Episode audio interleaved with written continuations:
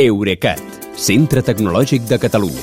Innovant amb les empreses. Innovant amb tu. Albert Cuesta, bona nit. Bona nit, Kilian. Albert, i Elon Musk, què? Home, jo pensava que no tornaríem a treure aquest col·laborat, que n'havíem parlat molt, fins d'aquí unes setmanes quan s'havia de fer el judici aquest per la marxa enrere de l'home aquest a l'hora de comprar Twitter. Però no sé, uh, aviam, uh, Twitter ha dit que s'ho mirarà, uh, els advocats s'ho miraran, a veure què és, què és el que passa. Probablement, uh, potser el que passa és que Elon Musk li surt més a compte a comprar Twitter al preu original, que és el que ha dit que vol fer, que arriscar-se que el, els tribunals surtin coses que no li convé que surtin. Bé, doncs deixem Elon Musk i que s'aclareixi ell i el judici final i nosaltres anem a una cosa que ja està molt més aclarida. Després de quatre mesos de tràmits, ara sí, el Parlament Europeu ha aprovat definitivament el connector únic, aquell famós de càrrega per a tots els aparells que funcionen amb bateria. Sí, eh, ja en parlàvem fa sí, quatre tant. mesos, com deies. Eh, per una amplíssima majoria de 602 vots a favor, 13 en contra i 8 abstencions. Eh, tots els telèfons mòbils, tauletes, lectors de llibres digitals, auriculars, ratolins, navegadors GPS, càmeres fotogràfiques i altaveus portàtils que es venguin a la Unió Europea a partir de l'any 2025 s'hauran de poder carregar amb un cable de format USB-C Només queden excloses d'aquesta obligació eh, els aparells, els dispositius que siguin massa petits per incloure un connector d'aquesta mida, com són els rellotges eh, connectats i els braçalets com tapasses. En canvi, uns mesos més tard, a la primavera de 2026, també s'hi hauran d'afegir l'obligació als ordenadors portàtils.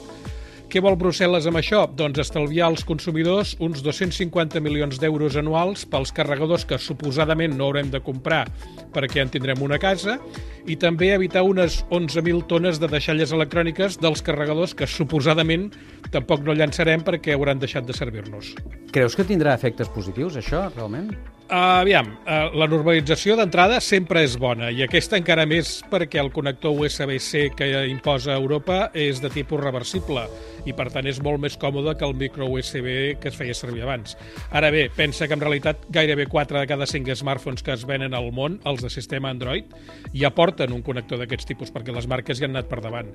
Els fabricants, a més, ja, ja els va bé poder vendre els mòbils sense carregador perquè així si no han de tenir en compte si posen un endoll europeu, un endoll britànic, un endoll nord-americà o un endoll australià, perquè d'això ja se n'ha ocupat el consumidor, es redueix molt la quantitat de variants de l'aparell que han de fabricar.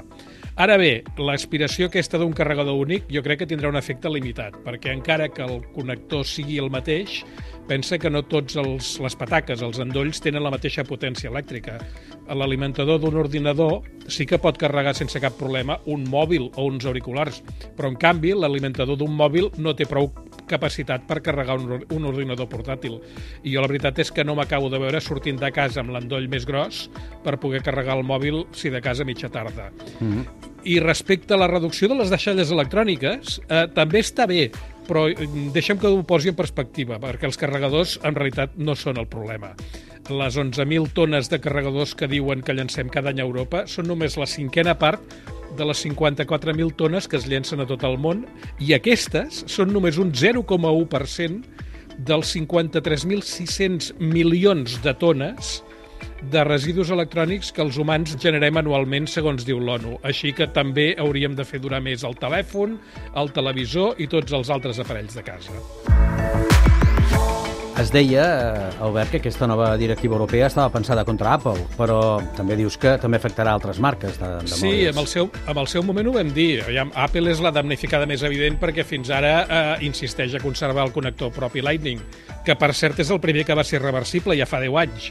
I, de fet, la marca eh, s'ha resistit molt eh, eh, jurídicament a la nova directiva i fins i tot s'havia especulat que en comptes d'adoptar l'USB-C renunciaria del tot a la càrrega amb cable i es passaria exclusivament a, a la càrrega sense fils. Però això, la veritat és que seria un problema pels molts accessoris que actualment s'endollen als iPhones. I jo, de fet, n'estic fent servir un ara, que és l'adaptador de micròfon. Uh, fons, ben, fons ben informades diuen que Apple ja s'ha resignat perquè, entre altres coses perquè un de cada cinc iPhones es venen a Europa i que l'iPhone 15, que sortirà el setembre que ve, ja portarà USB-C. Sigui com sigui, recordem que Apple ja té portàtils i tauletes que porten connector USB-C. però eh, és que finalment, eh, com deies, hi ha altres marques de mòbil afectades per la nova directiva europea que també determina una altra cosa, que és que els sistemes de càrrega ràpida de la bateria hauran de ser únics. I això és un torpede amb la línia de flotació de marques xineses com Oppo, Realme i d'altres que fan servir sistemes propis de càrrega ràpida, vull dir que presumeixen de que el seu es carrega més ràpid que l'altre, Sí. per diferenciar-se de la competència i a partir d'ara ja no ho podran fer. Bé, aquí hi ha una cosa que eh, seria molt interessant, és parlar amb els 13 que han votat en contra, en lloc dels 602 a favor, per saber per què, perquè Sí, realment s'ho prenen una mica. Però vaja, ells sabran. Molt, molt, molt. Ja, mira, és una bona idea. Mira, mirarem a veure qui, qui ha sigut. Doncs aviam si un altre dia ho podem explicar. Gràcies, Albert, que vagi bé. Bona nit, Kilian. Fins demà. Eurecat, centre tecnològic de Catalunya. Innovant amb les empreses. Innovant amb tu.